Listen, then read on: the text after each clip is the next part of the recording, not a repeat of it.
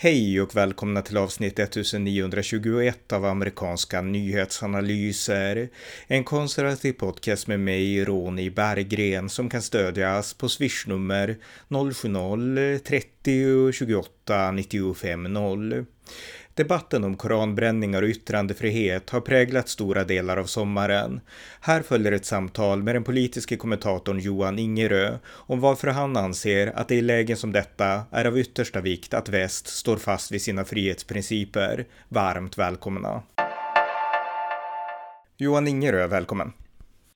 Tjena Ronny, tack. Det har ju varit fullt upp den här sommaren med, ja, med koranbränningar här i Sverige. Det är någonting man kanske inte förknippar med Sverige, men det är i alla fall någonting som har blivit en svensk, ja, tradition att ta i, men det har hänt väldigt ofta för att vara i Sverige i alla fall.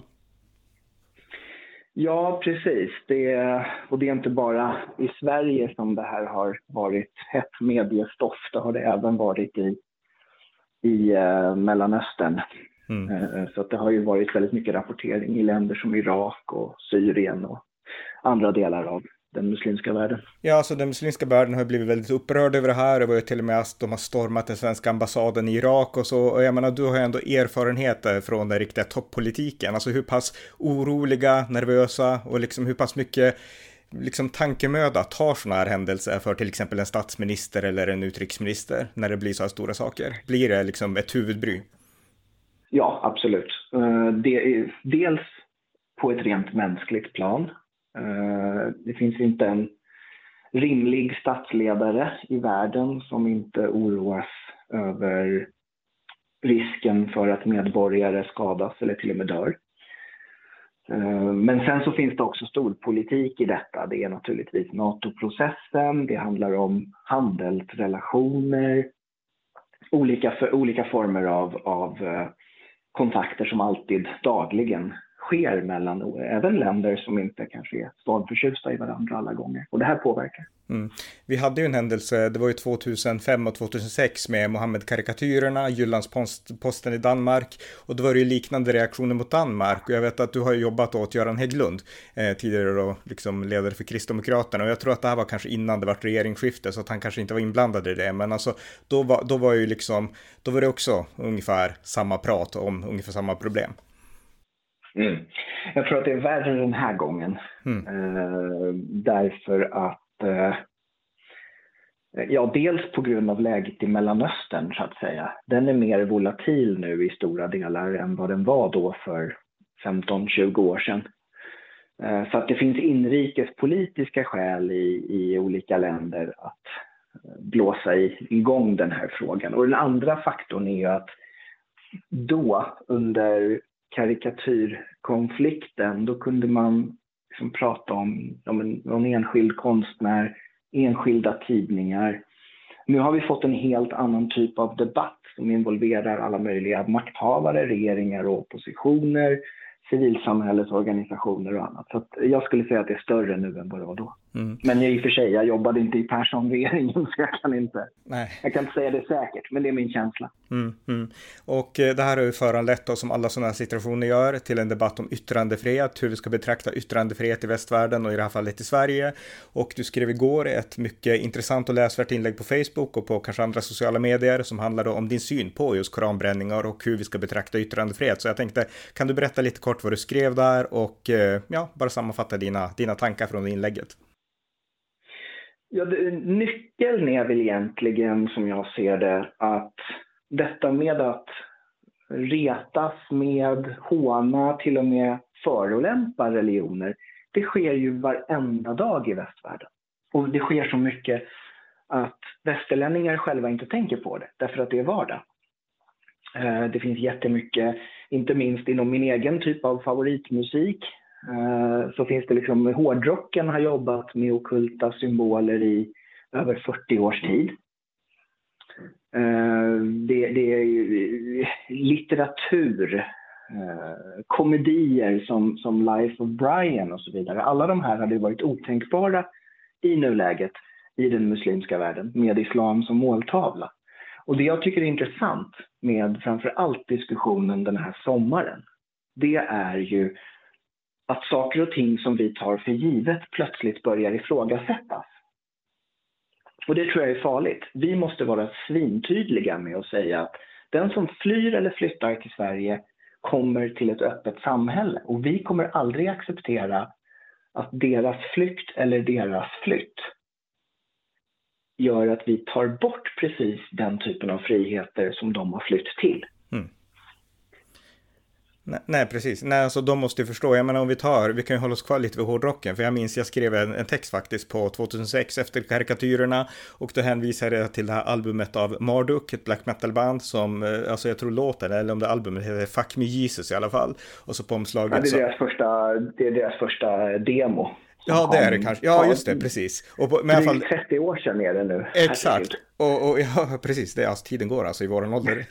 men, men, men, i alla fall på omslaget till den, till den demo då, då är det en kvinna, en naken kvinna som sätter på ett krucifix ungefär. Alltså ganska osmakligt ja. kan man säga då. Och ja. eh, nu tror jag inte så många kristna kände till Marduk på den tiden, men jag gjorde det. Och jag menar, man kan tycka vad man vill om det. Man kan tycka att det är äckligt, man kan tycka att det är sjukt, man kan tycka, alltså, de vill ju att man ska tycka saker, det är det det handlar om, det är en provokation liksom. Ja. Men samtidigt, ja. det fanns ju ingen kristen då, verkligen ingen som jag kände som tyckte att nu ska vi, de här är hädare, de ska hängas, de ska dödas, absolut inte, det fanns liksom inte. Så jag menar, eh, kristenheten har lärt sig, i den mån de nu har behövt lära sig, jag skulle säga att det finns också liksom en vänster, liksom nidbilder av hur kristna är också. Eh, men de, oavsett om vi säger så, så har de lärt sig att eh, man måste kunna välja vilken vilken religionskritik som helst. Och tron kan du hålla helig i ditt personliga liv, men det betyder inte att du kan diktera för allmänheten, liksom deras rätt att tro eller inte tro liksom på religionen. Och det är det som de här, ja, de muslimska grupper som har kommit in i Sverige, många av dem i alla fall, inte har förstått och inte accepterar på samma sätt. Nej, precis. Och, och det är inte bara det att västvärlden har accepterat den här typen av hädelser mot så att säga, den egna, den liksom, kulturellt starka religionen här. Utan man har till och med omfamnat den. Så att band, inte just Marduk, men, men andra black metal-band, de får ta emot priser. Alltså i Norge så har väl både Mayhem och Dimmy Borgir, två black metal-band, vunnit det så kallade Spelemanpriset som finns där. Och i Sverige, ja då har ett av de mer kända black metal-banden, det är Watine. Och de har ju alltså vunnit, de har nominerat dels till en Grammis, men vilket är mycket mer intressant, till regeringens exportpris. Det är alltså ett pris som man ger till artister som förmedlar en positiv bild av Sverige utomlands. ja. Och jag älskar Watine, jag tycker ja, jag också. Mm, mm. Uh, men, men det blir lite märkligt att i, i mars så nominerar man ett band för att sätta en bra Sverigebild när alla vet att deras konserter innehåller eld, upp och nervända kors, eh, blod, kött och så vidare. Ja, och de kallar sig djävulsdyrkare. Och sen ett mm. halvår, mm. och ett halvår senare så diskuteras det i, liksom, i delar av samhället vad som i praktiken är hädelselagar. Mm. Alltså det här går inte ihop. Och jag menar, det här är inte överlagt.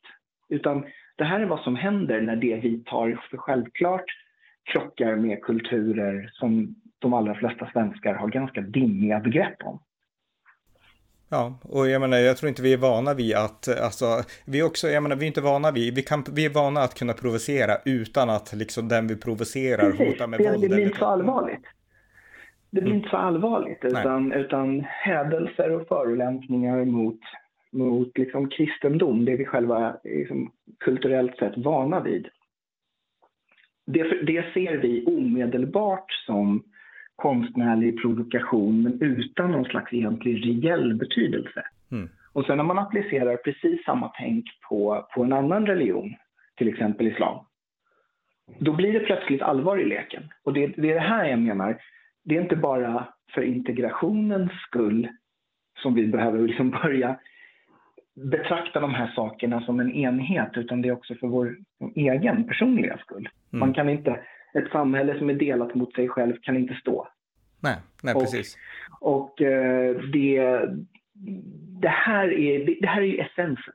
Mm. Att vill vi slå vakt om det som gör att vi har de fri och rättigheter vi har, ja då måste vi börja här och nu. Det går inte att göra en kompromiss Därför att de här länderna, de som trycker på oss nu och vill att vi inför förbud mot koranbränningar och annat, de kommer ju inte stanna vid en de nöjer sig inte med en, en måttligt justerad ordningslag. Det här är ju samma krafter som sprider desinformation om att svensk socialtjänst kidnappar muslimska barn. Så att vill vi inte få ett värre problem framöver, då behöver vi sätta ner foten nu. Mm, exakt, jag menar, vi måste påminna oss om vilka värderingar vi faktiskt har. Alltså för, som sagt, alltså, vi tar dem för givna. Vi tänker att så här är det bara, men vi förstår det liksom aldrig. Vi har liksom inte insett varför vi har det som vi har det och hur viktigt det är att värna principerna. Så att det är en väldigt bra påminnelse i, i det här inlägget tycker jag verkligen.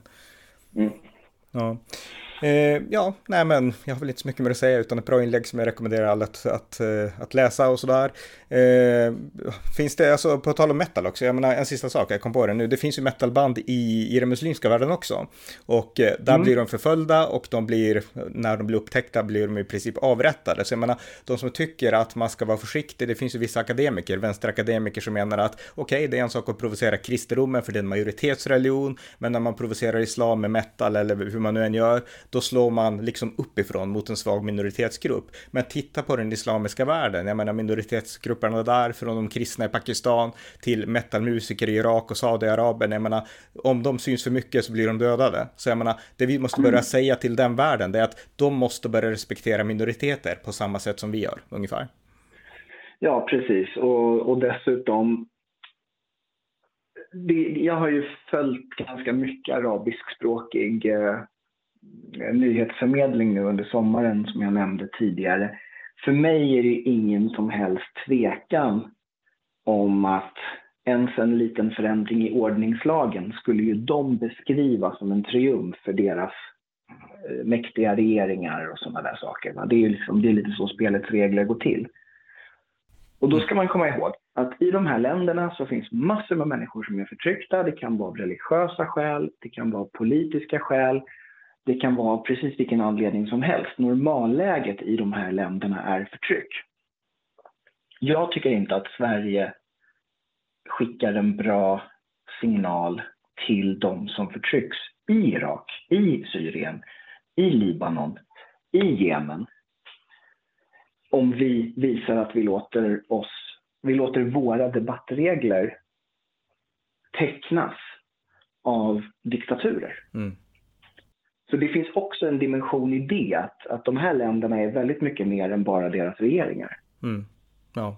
Det är ännu ett skäl att stå på sig. Ja, ja, verkligen. Och vi kan inte låta rädslan, jag menar, om vi är rädda för det här kanske väcker ett terrorråd, ja visst, men jag menar, om vi låter oss bli skrämda, då kommer vi bli mer skrämda nästa gång. Så att du har helt rätt med att vi måste sätta ner foten nu, både mot, ja, för vår egen skull och mot hotet som kanske finns, men också mot rädslan i sig själv. Alltså vi kan inte låta rädslan för, för det här liksom definiera oss eller påverka oss, rubba oss. Mm.